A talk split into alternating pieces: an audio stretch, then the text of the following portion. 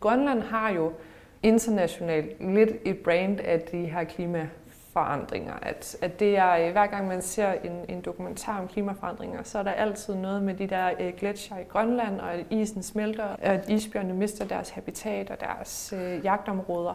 Og selvom at man jo har gjort rigtig meget for at brande Grønland som turistdestination, det er bare overskyggende, fordi det er blevet brugt så meget, det er set af så mange.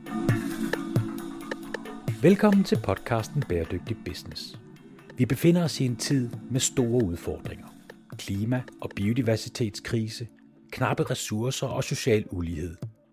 Men i Bæredygtig Business ligger vi idealismen på hylden og undersøger, hvilken rolle verdens virksomheder vil spille i omstillingen til et bæredygtigt samfund. De globale udfordringer kan nemlig ikke løses af velgørenhed og filantropi alene. Hvis vi skal afværge den nuværende kurs mod katastrofe, så skal vi lave bæredygtighed til sund forretning. Mit navn er Steffen Max Høgh. Jeg er forfatter og foredragsholder og har arbejdet med bæredygtighed de sidste 10 år. Jeg taler med førende eksperter og undersøger, om der er penge i at tage et socialt og miljømæssigt ansvar. Stine Selmer. Ja. Og du har en virksomhed, der hedder Sustine. Ja. Og det synes jeg er så godt et navn. Tak. Fordi du hedder Stine og arbejder med sustainability. Præcis.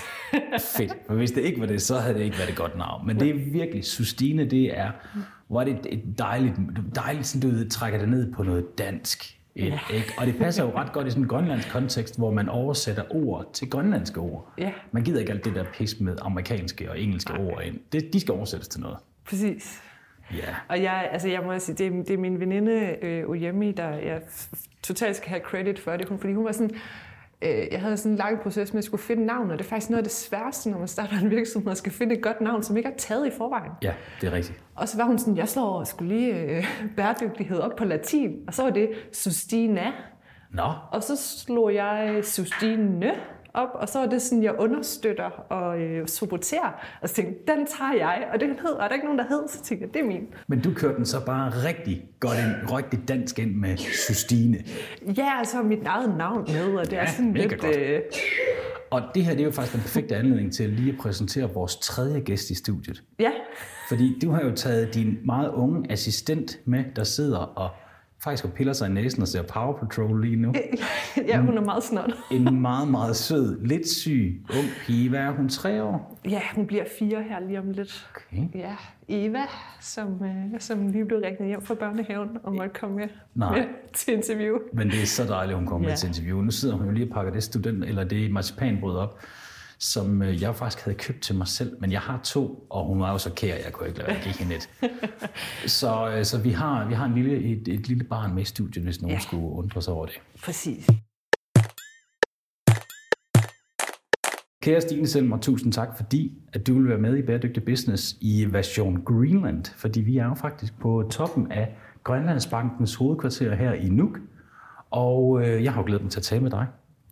Men vil du ikke selv lige starte med at sætte et par ord på, hvem er du? Hvorfor er du i Grønland? Tak, Steffen. Jeg, jeg er jo super øh, excited over at være med. Jeg har jo hørt din podcast i super lang tid, så det er, sådan, det er Ej, lidt en milepæl at, at at sidde høre. her og være med. Det er så dejligt, du vil være med. Ja. Øhm, og jeg, øh, jeg hedder som sagt Stine, og jeg har en, en lille konsulentvirksomhed, der hedder Sustine Consult, hvor jeg rådgiver virksomhed om at, at omstille sig til mere bæredygtige praksiser. Øh, og jeg er specialiseret rigtig meget i bæredygtig turisme, så det er også meget det, jeg ligesom arbejder med i Grønland og har gjort. Øh, jeg flyttede til Grønland i 2015 og har arbejdet først i, i det, der hedder Sermasok Business Council, som var, var på det tidspunkt var øh, kommunens erhvervsråd, hvor jeg arbejdede med turisme, øh, så erhvervsudvikling inden for turisme. Øh, og så flyttede jeg til Visit Greenland øh, nogle år efter, og har så siddet som Head of Sustainability der. Og øh, så havde jeg behov for at prøve noget nyt, og, øh, og sådan skubbe lidt mere bredt på den bæredygtige omstilling i Grønland, og så startede jeg Sustine Consult her for seks måneders tid siden.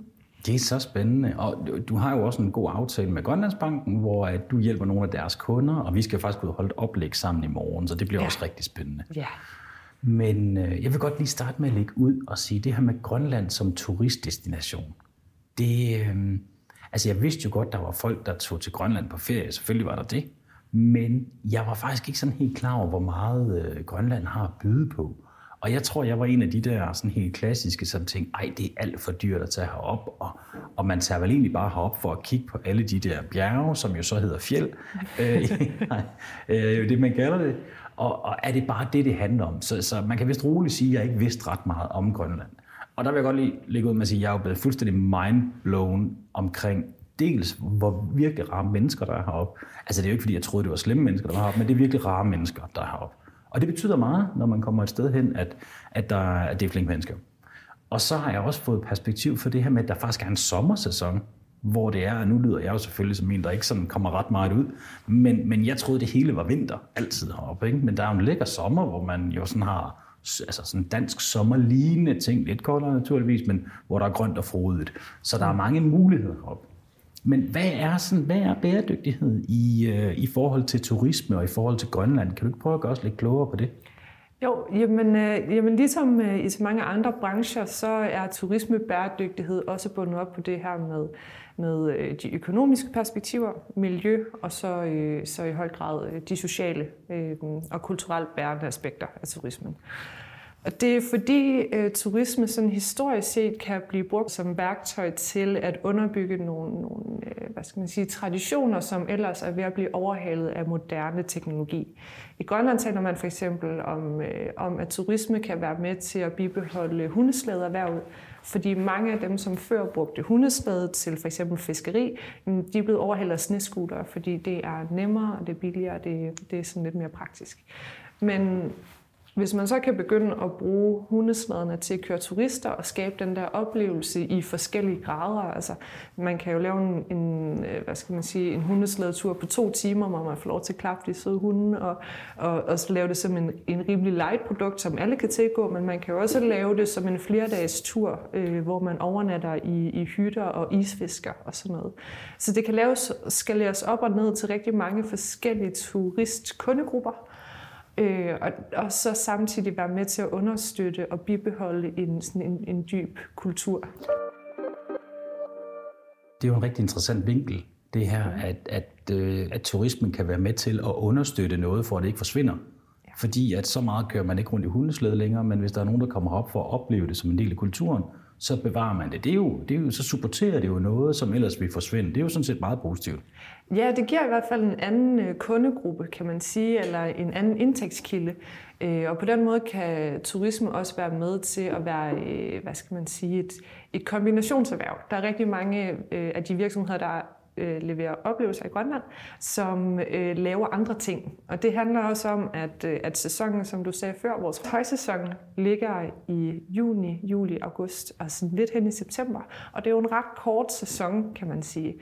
Men det giver mulighed for, at du kan lave turisme i den del af året, og så kan du lave noget andet i den anden del. Så mange turistvirksomheder, de kører øh, helt vildt meget sæsonbaseret arbejde. Og der kan øh, turistsæsonen være øh, supplement til, hvad end man laver. Men kan vi ikke få nogle, altså, nogle eksempler på, sådan helt bare så vi får nogle billeder ind i hovedet? Hvad er det, man kan heroppe? Jamen, altså, man kan jo selvfølgelig øh, stå og køre på hundeslæde. Det er jo meget interessant, men hvad er ellers sådan de store attraktioner? Hvad er det folk, de kommer herop efter? Altså naturen er helt klart det største trækpunkt, og ja. det er fordi vi, vi har så utrolig meget af den, og den er så unik for verden. Ja. Øh, så, så det er, er forskellige øh, måder at opleve øh, naturen på. Der kommer mange niche-turister, altså dem, der for eksempel gerne vil sejle i kajak eller vandre.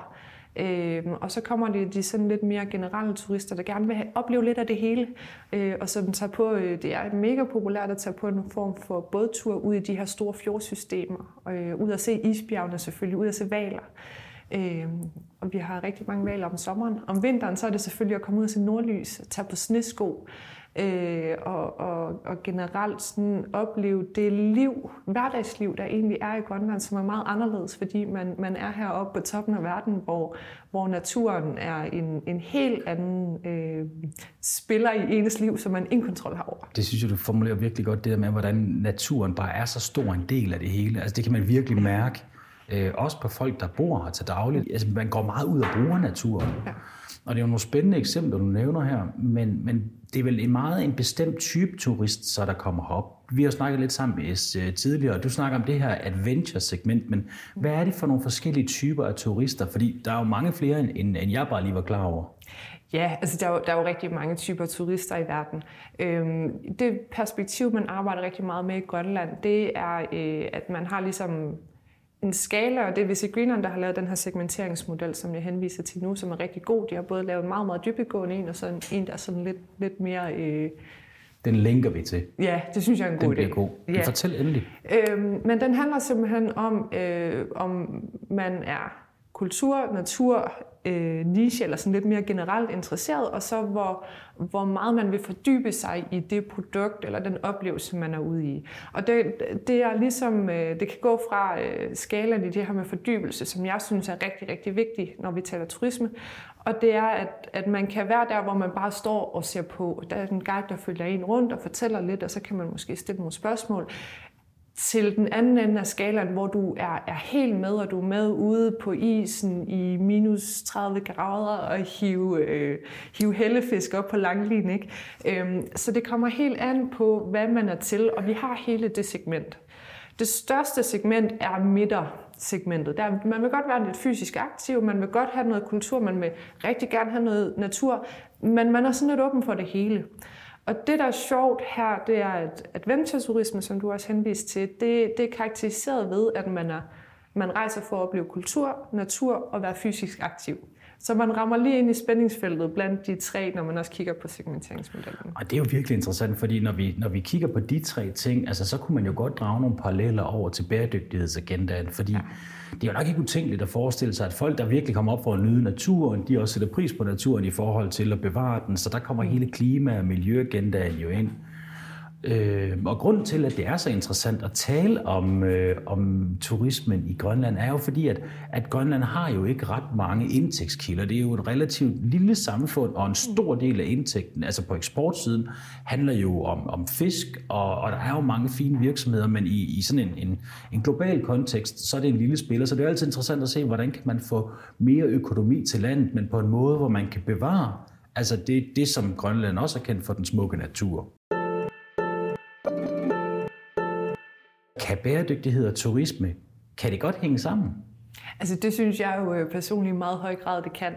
Øh, fordi man er også altid interesseret i en turisme, som øh, til gode ser lokalsamfundet. Altså den, det, der, det, der nogle gange kan være udfordringen med turisme, øh, det er, når der kommer for mange mennesker for for lidt plads, og så kan det påvirke lokalbefolkningen rigtig meget. Ja, det kender vi jo fra flere steder i ja. verden, hvor der simpelthen bare, Venedig, hvor der simpelthen ikke Præcis. er til at finde en, en plads nogen steder for de lokale, fordi der bare er turister over det hele. Netop. Og på den ene side er det jo dejligt, fordi det ligger en masse penge, på den anden side så er det nok ret irriterende at være lokal i Venedig.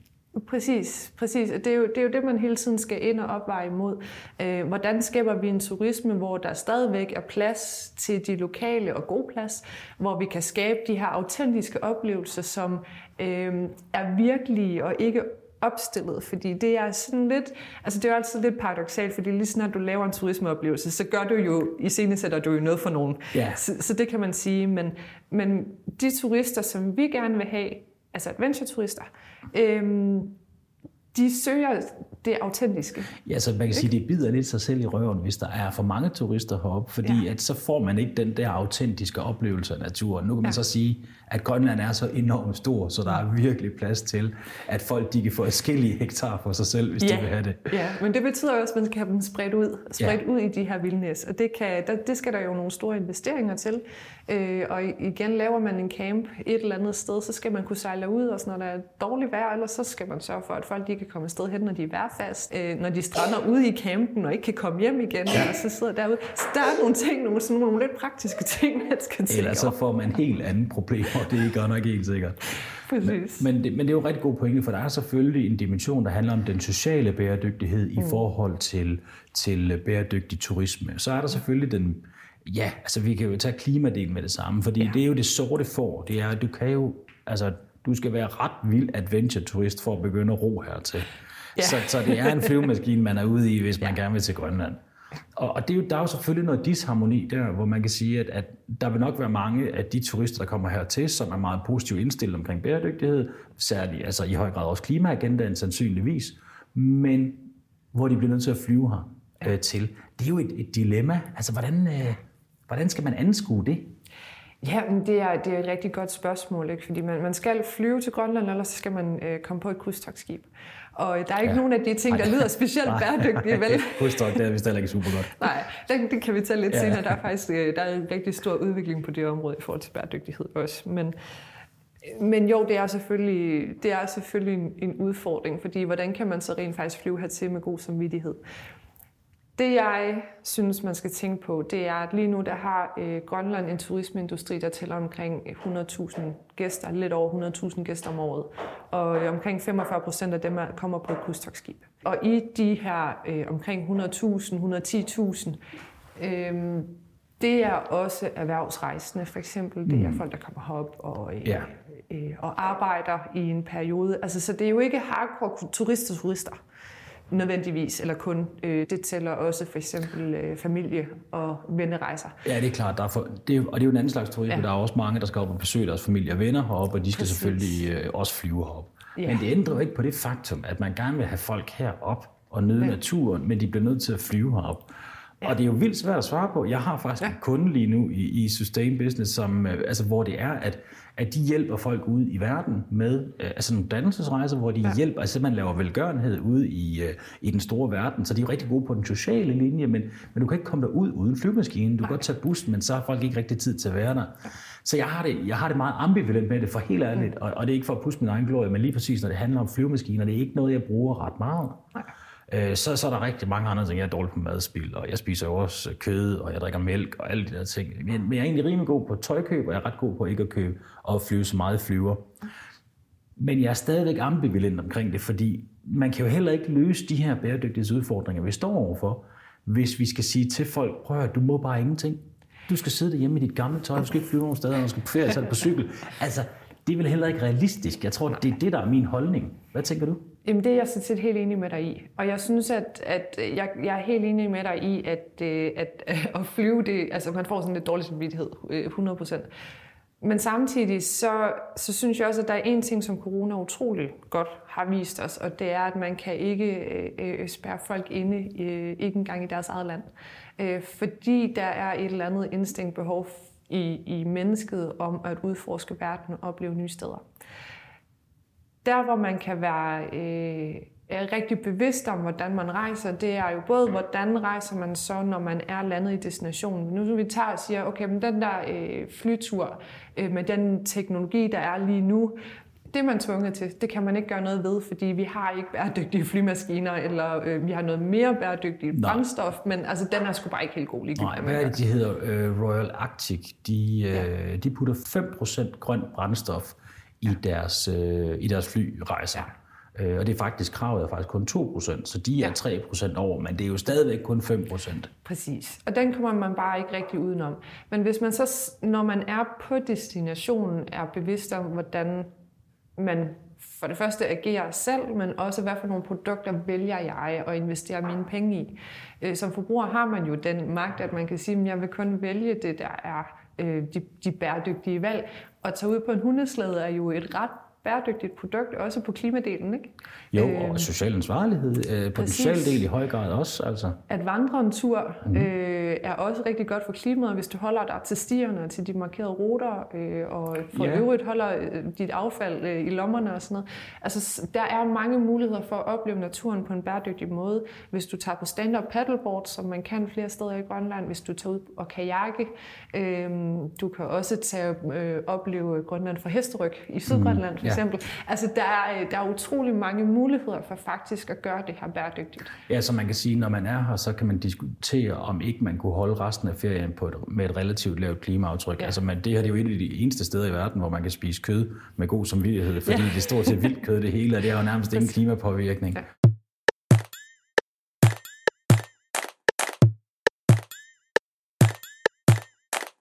Altså det er stadigvæk et dilemma, og jeg synes egentlig, det er ret interessant det her med, hvad skal man gøre, fordi det er jo heller ikke bæredygtigt, i hvert fald ikke socialt ansvarligt, og, øh, og bare sige, ved du hvad, der er ikke nogen, der kan komme til Grønland.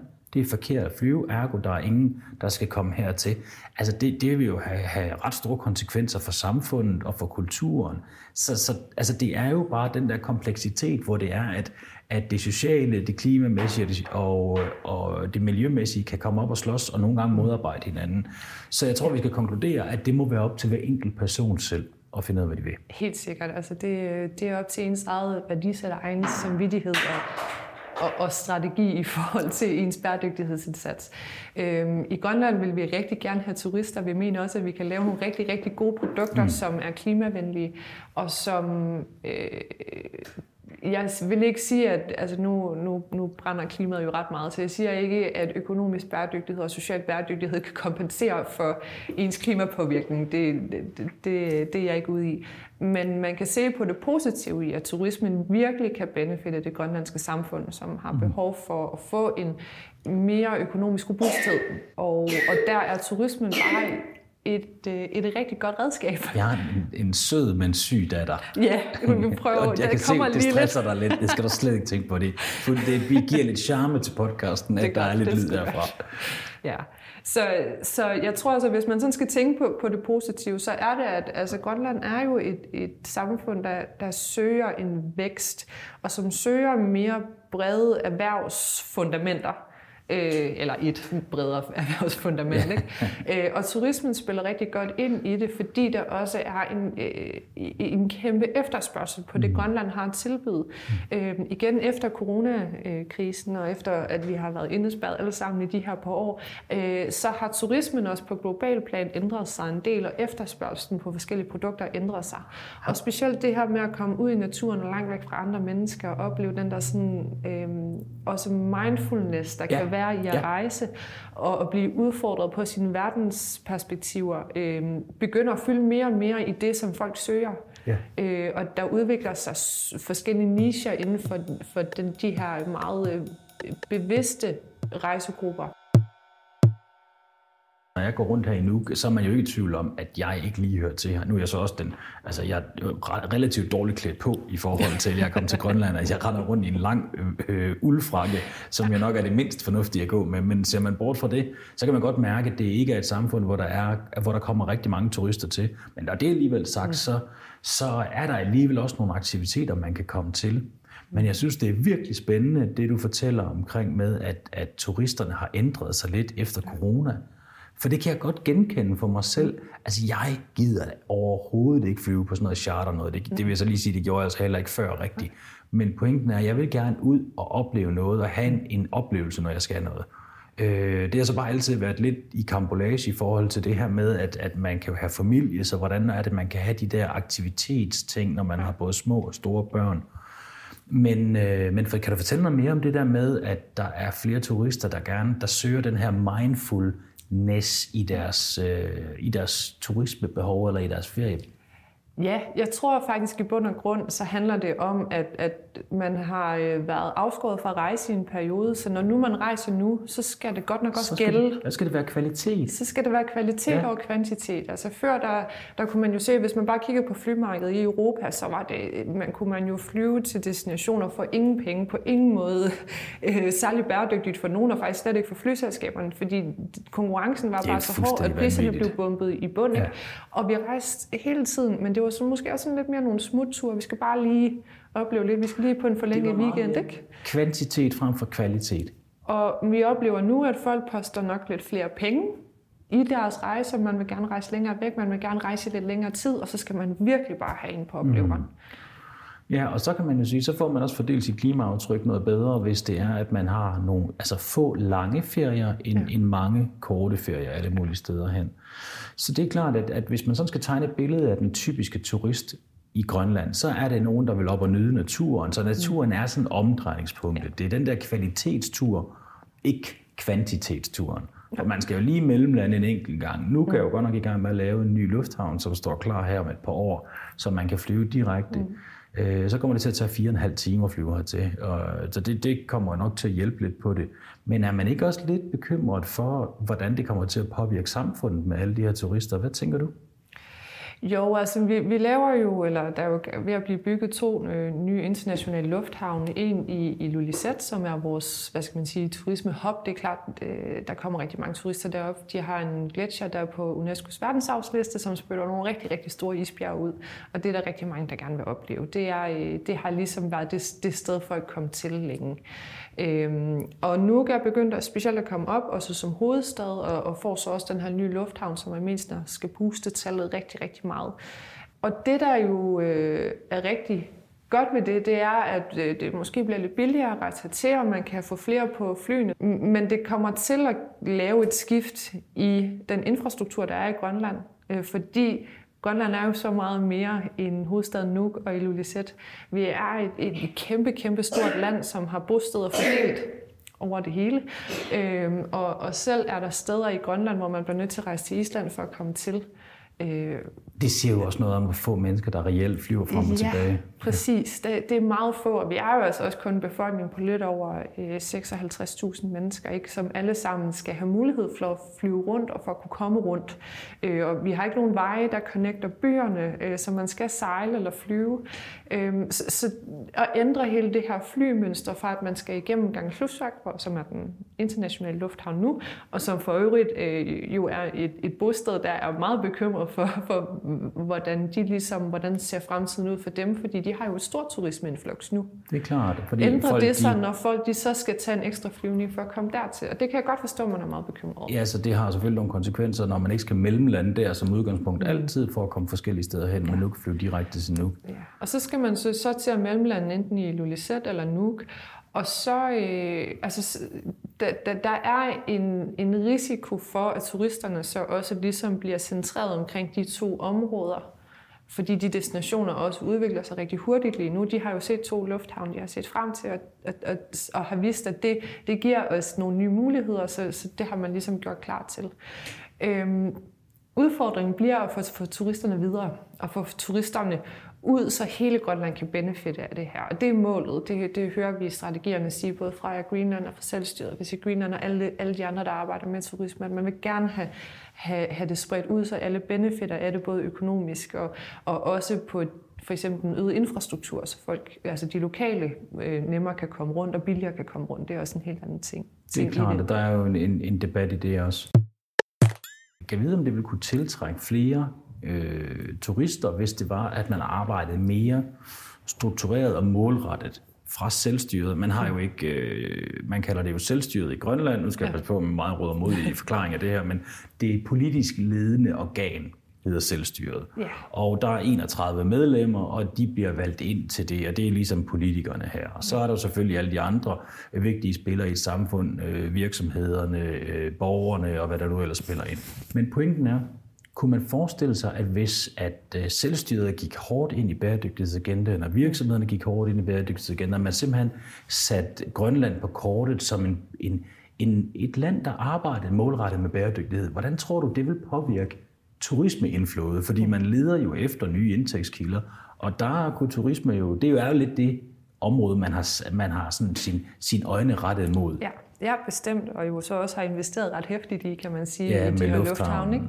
Ikke? Øhm, så jo, jeg, jeg tror, at Grønland har jo internationalt lidt et brand af de her klimaforandringer. At, at det er, hver gang man ser en, en dokumentar om klimaforandringer, så er der altid noget med de der øh, gletsjer i Grønland, og at isen smelter, mm. og at, at isbjørnene mister deres habitat og deres øh, jagtområder. Og det, er, det har det været i mange år. Og, og selvom at man jo har gjort rigtig meget for at brande Grønland som turistdestination også, og det virker øh, bestemt også godt, men der er, det er bare overskyggende, fordi det er blevet brugt så meget, det ser af så mange mennesker. Men det der det er jo nemlig virkelig spændende, ikke? fordi mm. hvis det er en destination, man forbinder med klimaforandringer, ja. hvordan påvirker det så de kommende turister? Fordi hvis ja. man går rigtig meget op i klima, så vil man måske gerne se indlandsisen, før den smelter, men du skal flyve op med en flyvemaskine. Ja, og det er jo lidt et paradoks igen, fordi så bidrager du måske faktisk til, at den is, du gerne vil se, uh, smelter. Uh, så, så ja, altså det er, ikke, det er ikke nemt at svare på. Det, det, det er det virkelig ikke. Men, men samtidig så tror jeg, at Grønland som samfund altså, kan virkelig høste nogle store frugter af at gå all in på bæredygtighed, sådan hele vejen ned igennem værdikæderne. Mm. Og, og, og og har mulighed, fordi vi er sådan et lille samfund, så kan vi rykke ekstremt hurtigt. Fordi alle kender alle, og vi kan lave nogle rigtig hurtige aftaler. Det er måske, altså det, det glider utroligt nemt, når der er så få mennesker, man faktisk skal igennem. Mm.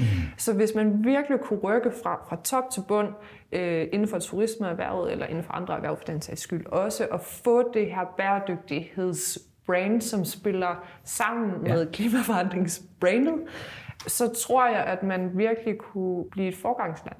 Man har rykket så hurtigt på, eller hårdt på, på bæredygtighed på global plan nu, at jeg tror ikke, at Grønland behøver at være en first mover, men de kan være en fast follower. Mm-hmm. Øhm, og, og det er jo det fede, som sådan, jeg ser bæredygtighed, at det jo sådan set ikke er en konkurrence, det er noget, vi samarbejder om.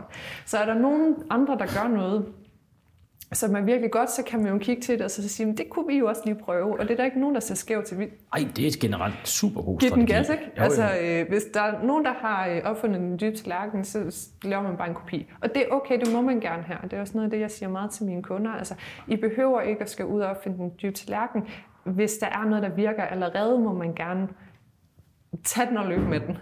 Øh, det der, fordi det er et samarbejde om at skal, skal redde vores planet i bund og grund. Ikke? Jeg er helt enig. Og, altså, der er jo ingen grund til, at man... Altså, man må gerne stjæle, når det kommer til bæredygtighed, hvis der er gode idéer derude. Fordi det er jo øh, det, det er som udgangspunkt ganske fornuftigt. Men det er jo meget interessant, hvordan man kan se på, hvad vi, hvordan vi hele samfundet bliver påvirket. Fordi de mennesker, der kommer herop, er folk, der sætter pris på naturen. Så det vil nok resonere ret godt med dem ja. at man så kommer ud, og så ser man, nu siger jeg bare nogle ting, noget mm. affaldssortering, øh, flere udendørs muligheder for, at man kan være en del af naturen alle mulige mm. steder, at der er øh, veganske alternativer, eller en gode mm. forklaringer på, hvorfor det faktisk er rigtig fint at spise muskus og rensdyr heroppe, i modsætning til mange andre steder i verden. Det er bare sådan en idé fra toppen af mit hoved. Men tanken er det, det vil nok give rigtig god mening, hvis man kommer herop, fordi man gerne vil se noget natur, som mm. på den ene side måske forsvinder for evigt i løbet af det næste stykke tid, og på den anden side, så kunne det også godt være noget, som man vil have gavn af at se for at, at blive sådan ekstra motiveret for at gøre noget ved det.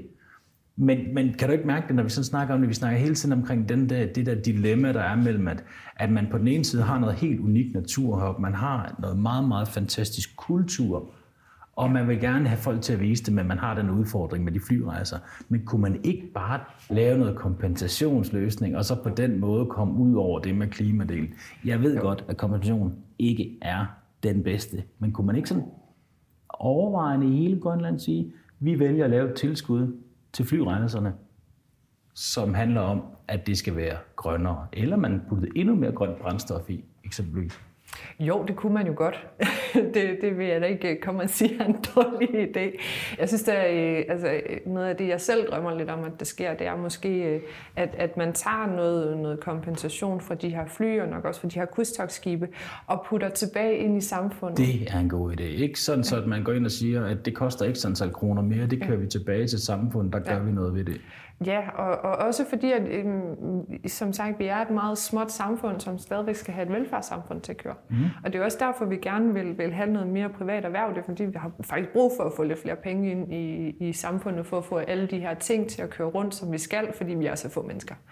Så kunne man lave en form for, øh, hvad skal man sige, miljøtillæg på hotelovernatninger, men det er altid farligt at lægge det på flyene, fordi så bliver det endnu dyrere, og så kan folk ja. godt blive sådan lidt, øh. mm. men hvis vi lægger dem, når de er på destinationen, det er lidt nemmere, så er mm. folk kommer ind i butikken. ja, jamen det, kender, det er jo forretningen, når det er allerbedst. Ja, og det er jo ikke et nyt koncept. Altså kigger du på Svalbard, så skal man jo betale 150 kroner hver gang, man flyver til eller fra Svalbard. Det er, det er set, det kan man sagtens gøre. Ja, så det var faktisk et meget konkret tiltag, hvor man godt kunne ja. låne den idé, og måske måske ja. putte den ind i en grønlandsk kontekst. Ja, og om man så skal putte den i, øh, i mere klimaforskning, eller om man skal putte den i mere erhvervsudvikling, mere bæredygtigt iværksætteri, øh, mere bæredygtig infrastruktur, øh, eller skal prøve at tiltrække... Altså Grønland, i, i min optik synes jeg jo, at vi er jo en, en maritim øh, destination. Jeg tror, øh, der er langt flere både, end der er biler i Grønland, fordi vi som sagt ikke rigtig har nogen veje, og det er den Nej. måde, man kan komme ud på. Nej. Så, så vi, vi sejler alle sammen ekstremt meget. Øhm, hvor kunne det være fantastisk at få Grønland til at være et testcenter for øh, øh, elmotorer i passagerbåd? Eller fordi Super, vi har de her små, øh, altså i turistindustrien kører man rigtig meget med de her takkerbåde fra Finland, som er nogle rigtig højkvalitets custom-made øh, både. Og, og det, er, det er de fleste i turistindustrien bruger. Men det er også en størrelse båd, som kan tage maks 12 passagerer sådan 6-12 passagerer. Og der er ikke en bæredygtig øh, motorløsning på det, som er til at betale sig fra lige nu. Mm, nej, Men hvor, klimasiden i forhold præcis, til brændstof, ja. ja.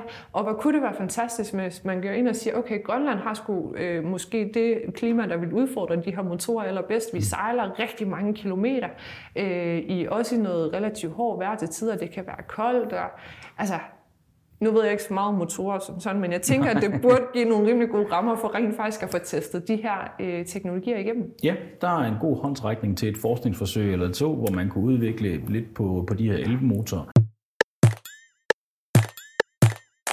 Noget andet, jeg sidder og tænker over, det er jo det her med, når man kigger på samfundet her, så er der generelt et meget stort fokus på den sociale bæredygtighedsagenda. Med, øh, og det er der god grund til, fordi man er et lille samfund, som der er langt til resten af landet. I skal have sejlet alting ind her. Altså hvis du vil have en banan, så er den 10 dage undervejs, fordi den skal med, øh, med båd hertil. Og det er jo bare sådan, øh, sådan eller, rammerne ligesom er. Men jeg tror også, det betyder, at man lukker, sig, eller man lukker sig ikke ind om sig selv, men man har et stærkt fokus på, at man gerne vil passe på at have alle folk med, og det er nok også derfor, at folk er meget hjælpsomme, og der er et stort fokus på, at man støtter op i lokalområdet. Royal Greenland, som øh, eksempelvis når de havde sidste år, hvor de købte personalegaver, så blev det dikteret, at, øh, og det, det gør de vist nok hvert år faktisk, at det skal være lokalt producerede gaver, de køber, for på den måde at støtte op omkring øh, lokal øh, området og lokal erhvervsliv. Det er jo fantastisk. Men tror du, set i lyset af sådan dine øjne som konsulent, at virksomhederne her måske har lidt for meget fokus på den sociale bundlinje, og lidt for lidt fokus på klimabundlinjen, som jo i bund og grund er den i sådan en kommersiel forstand, som der er mest fokus på lige nu. Det er i hvert fald min påstand, og det føler jeg ret godt øh, bakket op, at virksomhederne kigger mere og mere på klima. Hvis du ikke har de rigtige klima produkter på hylderne, det rigtige klimaregnskab, de rigtige certificeringer, så kan du blive ekskluderet af udbud og alle mulige forskellige ting. Tror du måske, at man har lidt for meget en social bundlinje i fokus, og lidt for lidt en klimabundlinje? Altså ja. set i forhold til konkurrence og eksport selvfølgelig. Jeg tror i hvert fald, at man har, at man har startet øh, ud med at fokusere rigtig meget på den sociale bundlinje. Og det har måske også været det, der har været mest oplagt. Øh, fordi der også i, synes jeg, i, nu er jeg absolut ikke ekspert øh, på, på Grønlands kultur, men sådan som det, det er min opfattelse, så har fællesskabet jo altid været en rigtig stor del af inuitkulturen. Mm, yeah. Fordi man har været afhængig af, af fællesskabet for at kunne overleve i, de mm. her, øh, i, i det klima, man, man er i her. Og så jeg tror, at det ligger meget naturligt, at det er det, man har startet ud med at fokusere på. Og det har været noget af det, man måske håndgribeligt kunne gøre noget ved først. Mm. Så, så jeg tror helt klart, at, at det har fået rigtig meget opmærksomhed til at starte med. Øhm, og, og jeg ser det også som det helt naturlige første sted at starte.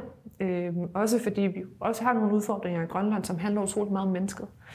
Og, og det her, her er en måde at understøtte hinanden på, og gøre hinanden stærkere, og gøre samfundet stærkere sådan, sådan i et bredt perspektiv. Så på den måde har det givet meget god mening.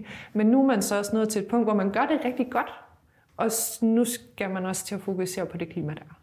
Og jeg kan jo, man kan godt forstå det. Det er jo helt almindelig psykologisk adfærd. Det er jo, at vi mennesker har det med at fokusere på de ting, vi mener, der er mest relevant. Ja. Og når man er et lille samfund, altså, så er det jo meget sympatisk og meget forståeligt, at man fokuserer meget på at hjælpe alle i samfundet, så samfundet kan holde sig ja. oven vande. Jeg kan bare ikke lade være slippe tanken om, at, at alt det arbejde, man gør på den sociale agenda, er jo virkelig godt i sådan en lokal kontekst, men i en eksportkontekst, der er klima bare begyndt at blive virkelig en dealbreaker, ja. ikke mindst med alt det lovgivning, og lovgivning, der er på vej.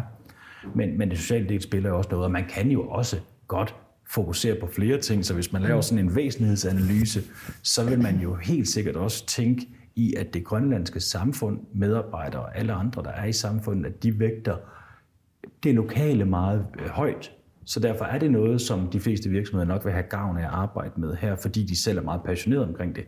Men i en kommersiel forstand, så tror jeg, det er meget vigtigt, at man ikke glemmer klimaagendaen.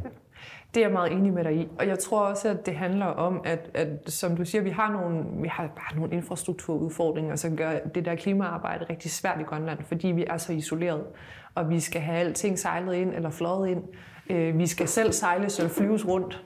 Øh, og, og, og det gør det rigtig svært på en eller anden måde, tror jeg, at gøre det der klimaarbejde håndgribeligt. Og i bund og grund er det jo egentlig at lave et regnskab øh, og, og holde styr på, hvad man forbruger, og så have nogle, nogle indsatsområder på og, og mindske det. Men jeg tror simpelthen at tage fat i den der pukkel, og måske også føle, at man sådan, hvad kan jeg egentlig gøre, mm. fordi øh, jeg er låst af, af, af den type land, jeg bor i.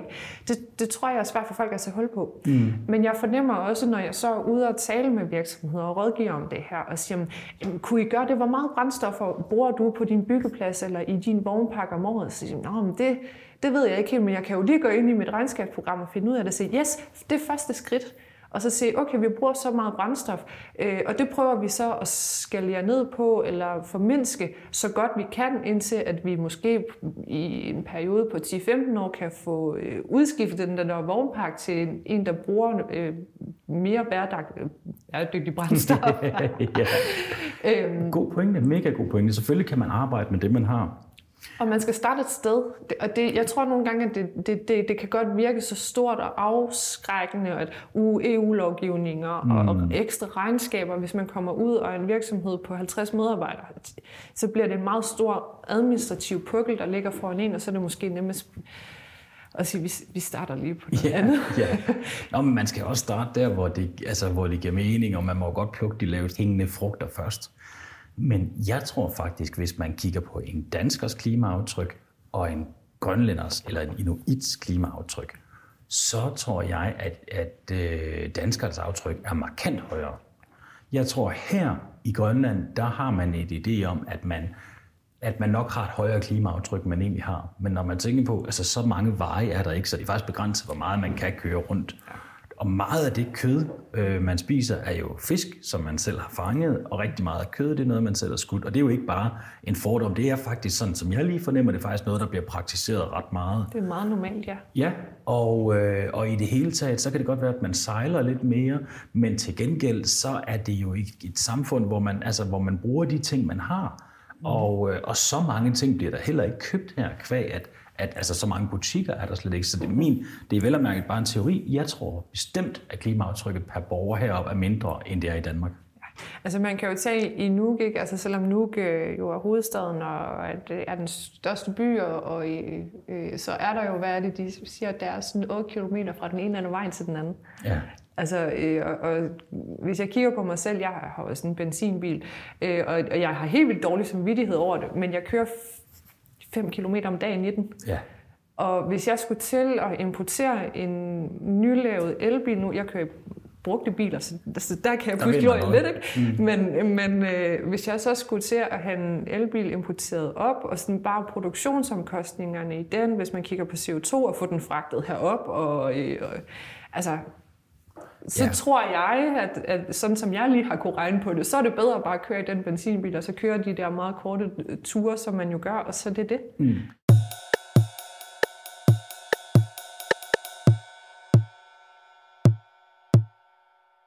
Nu er Grønland jo faktisk uden for EU.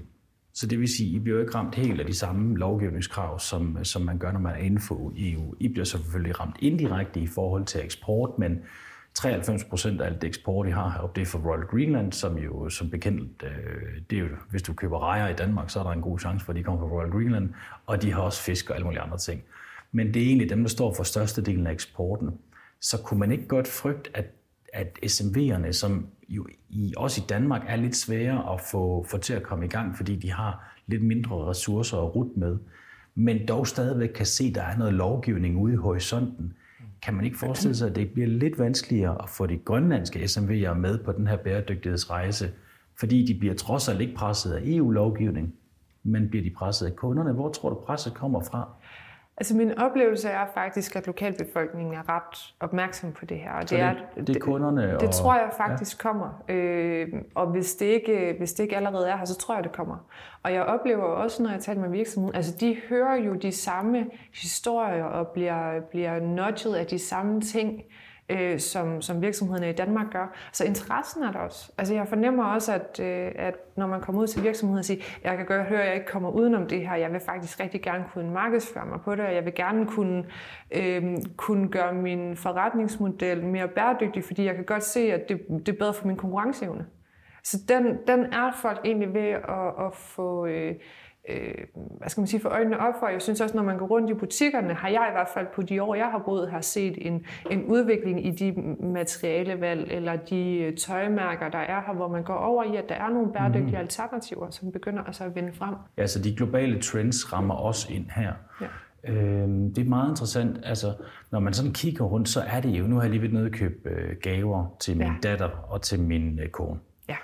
Og, og det er jo, det er jo sælskind. Ja. Altså, så det, er, det er jo meget naturligt materiale, det er jo muskusuld, og altså, så, ja. så det taber jo også rigtig godt ind i hele ja. den her naturoplevelse, der er. Men, men du, du, man er begyndt at få øjnene op for, at det er et konkurrenceparameter. Man har ikke ramt mm. så meget af lovgivning. Hvad med sådan noget som, øh, som det politiske niveau? Altså, hvor meget går de op i, i bæredygtighedsagendaen? Øhm, altså, det, øh, der er jo nogen, der går en del op i det, og så er der måske nogen, der ikke går så meget op i det. Sådan er det også Danmark. At der har været noget frem og tilbage, om Grønland skulle være en del af, nogle af de her forskellige internationale aftaler omkring klima og sådan noget. Og det, Paris-aftalen er I jo ikke med i. Nej, præcis. Og, og, og det var lige der, hvor sådan en som mig kunne sidde og tænke, at det var godt nok lidt, en, ja, lidt ærgerligt, ikke? Det er lidt en skam. Man ja. kan så sige, nu er der jo ingen af os, der når Paris-aftalen. Nej, så, så, så, så det, det, det kan være ligegyldigt. Men øh, hvor, hvor tragisk det end er. Ja. Så politisk set, så er der nogen, der går op i det, og nogen, der går lidt mindre op i det. Ja. Hvad med uddannelsesinstitutionerne? Altså er det, er det på, øh, på uddannelsesagendaen? Det, jeg tror igen også, det er noget, der kommer mere og mere. Altså nu er øh, for eksempel det, det her fokus på uddannelse, som jo faktisk også, hvis man kigger på FN's verdensmål, mm. øh, jo også har et stort uddannelsesfokus. Øh, så er det en af de, de verdensmål, jeg oplever, der bliver brugt rigtig meget øh, fordi man har et, vi mangler så meget kvalificeret arbejdskraft, at man vil rigtig gerne bidrage til, at, øh, at flere bliver uddannet. Øhm, og det handler både om ude på vores universitet, men det handler også om, om altså, øh, altså, også håndværkeruddannelser og, og så videre, at man vil, man vil gerne pushe på, at de unge de får en uddannelse, også fordi man ser, at de, det betyder, at de har et, et andet holdepunkt i livet og, og måske giver en anden livskvalitet. Øhm, vi har så den udfordring, at, at der er mange af de unge, de jo så tager til Danmark og uddanner sig og ikke kommer tilbage. Det skal vi have gjort noget ved. det mangler vi rigtig meget. Ja, så man har, det er jo den der brain drain øh, situation, ja. hvor folk de rejser ud af landet, bliver uddannet, ja. og så kan de godt blive derude. Det er det bestemt. Og, og, og noget, som man også har rigtig stor fokus på at gøre noget ved, men også at, at uddanne mere lokale. Hvad for nogle uddannelser er egentlig gode at have i Grønland? Hvad mangler vi, øh, hvad mangler vi at kunne uddanne selv? Hvad fornemmer jeg også, at der er et stort fokus på. Ja. Øh, jeg ved i hvert fald i turistbranchen, så taler vi rigtig meget om, at vi, vi har nogle rigtig, rigtig fine guideuddannelser i Sydgrønland nede ved Gambus Guyahlik øh, som også har nogle sådan lidt mere serviceøkonom øh, uddannelser, som har målrettet turisme. Det, det er rigtig fedt. Øh, men, men der bliver ikke forsket øh, i Grønlands turisme fra Grønlands Universitet, øh, så vidt jeg ved i hvert fald. Øh, og det synes jeg jo er, er mega ærgerligt, øh, hvis man gerne vil have det som, som sit eget vækstparameter, og det er et hovedfokus. Så skal uddannelsen også følge med, og det vil være rigtig fedt at have en akademisk øh, hospitality-uddannelse, så vi har nogen, der kan køre alle de her hoteller, så man ikke skal importere nogen, der kan det, eller sende folk ud nødvendigvis for at blive uddannet til at kunne køre et hotel, eller til at sidde i de her destinationsorganisationer. Der mangler vi også nogen, eller kan køre det på embedsmandsniveau, som virkelig er, er kvalitetsuddannet med fokus på det her. Øh, og det kan jeg jo godt sige selv, fordi jeg er jo kommunikationsuddannet. så jeg er jo heller ikke, øh, jeg er jo heller ikke turismeuddannet, og det, det, det, synes jeg, at, øh, det synes jeg er synd, fordi øh, jeg tror altid, at der er en kæmpe fordel i, at når man skal arbejde med så specielt et land som Grønland er, unikt land som Grønland er, at, at hvis man er vokset op har man en helt anden forståelse for, hvordan tingene fungerer, og hvis man kan koble det sammen med, med den internationale viden, jamen, så har man bare noget, der er bedre end os, der skal komme til at lære det hele, og alligevel måske ikke altid nødvendigvis forstår det, fordi vi ikke, vi ikke har det i DNA'et på samme måde. Så, så jeg tror helt klart, at det her uddannelse, det, det er en, øh, en kæmpe faktor. Det, øh, det hører man mange steder, og øh, nu er jeg her, fordi at, at, øh, at jeg skal lave noget undervisning, blandt andet for, øh, for Grønlandsbanken, og, og direktør Martin Kvisgaard fortæller jo også hele tiden omkring det her med, at uddannelse er et nøglepunkt, og der er også nogle institutioner, man bliver nødt til at bygge det op. Eksempelvis, at der er et universitet, for det betyder jo, at så kan du blive uddannet her, og så kan man holde fast i noget af det her viden.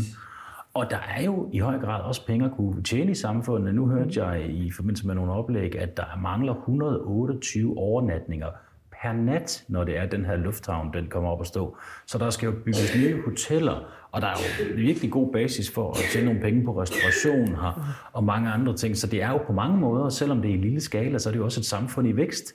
Bestemt, bestemt. Og der skal øh, jo mandskab til der at følge med den udvikling. Ja. Øh, og, og det er jo der, hvor vi er. Øh, vi bare er rigtig få mennesker. Øh, GE laver øh, en, en undersøgelse om, hvor mange... Og GE, ja. Grønlands øh, erhverv. De laver en undersøgelse om, hvor mange medarbejdere, der faktisk mangler i Grønland. Og jeg synes, at så vidt jeg husker, så det sidste tal, det var sådan noget 1100.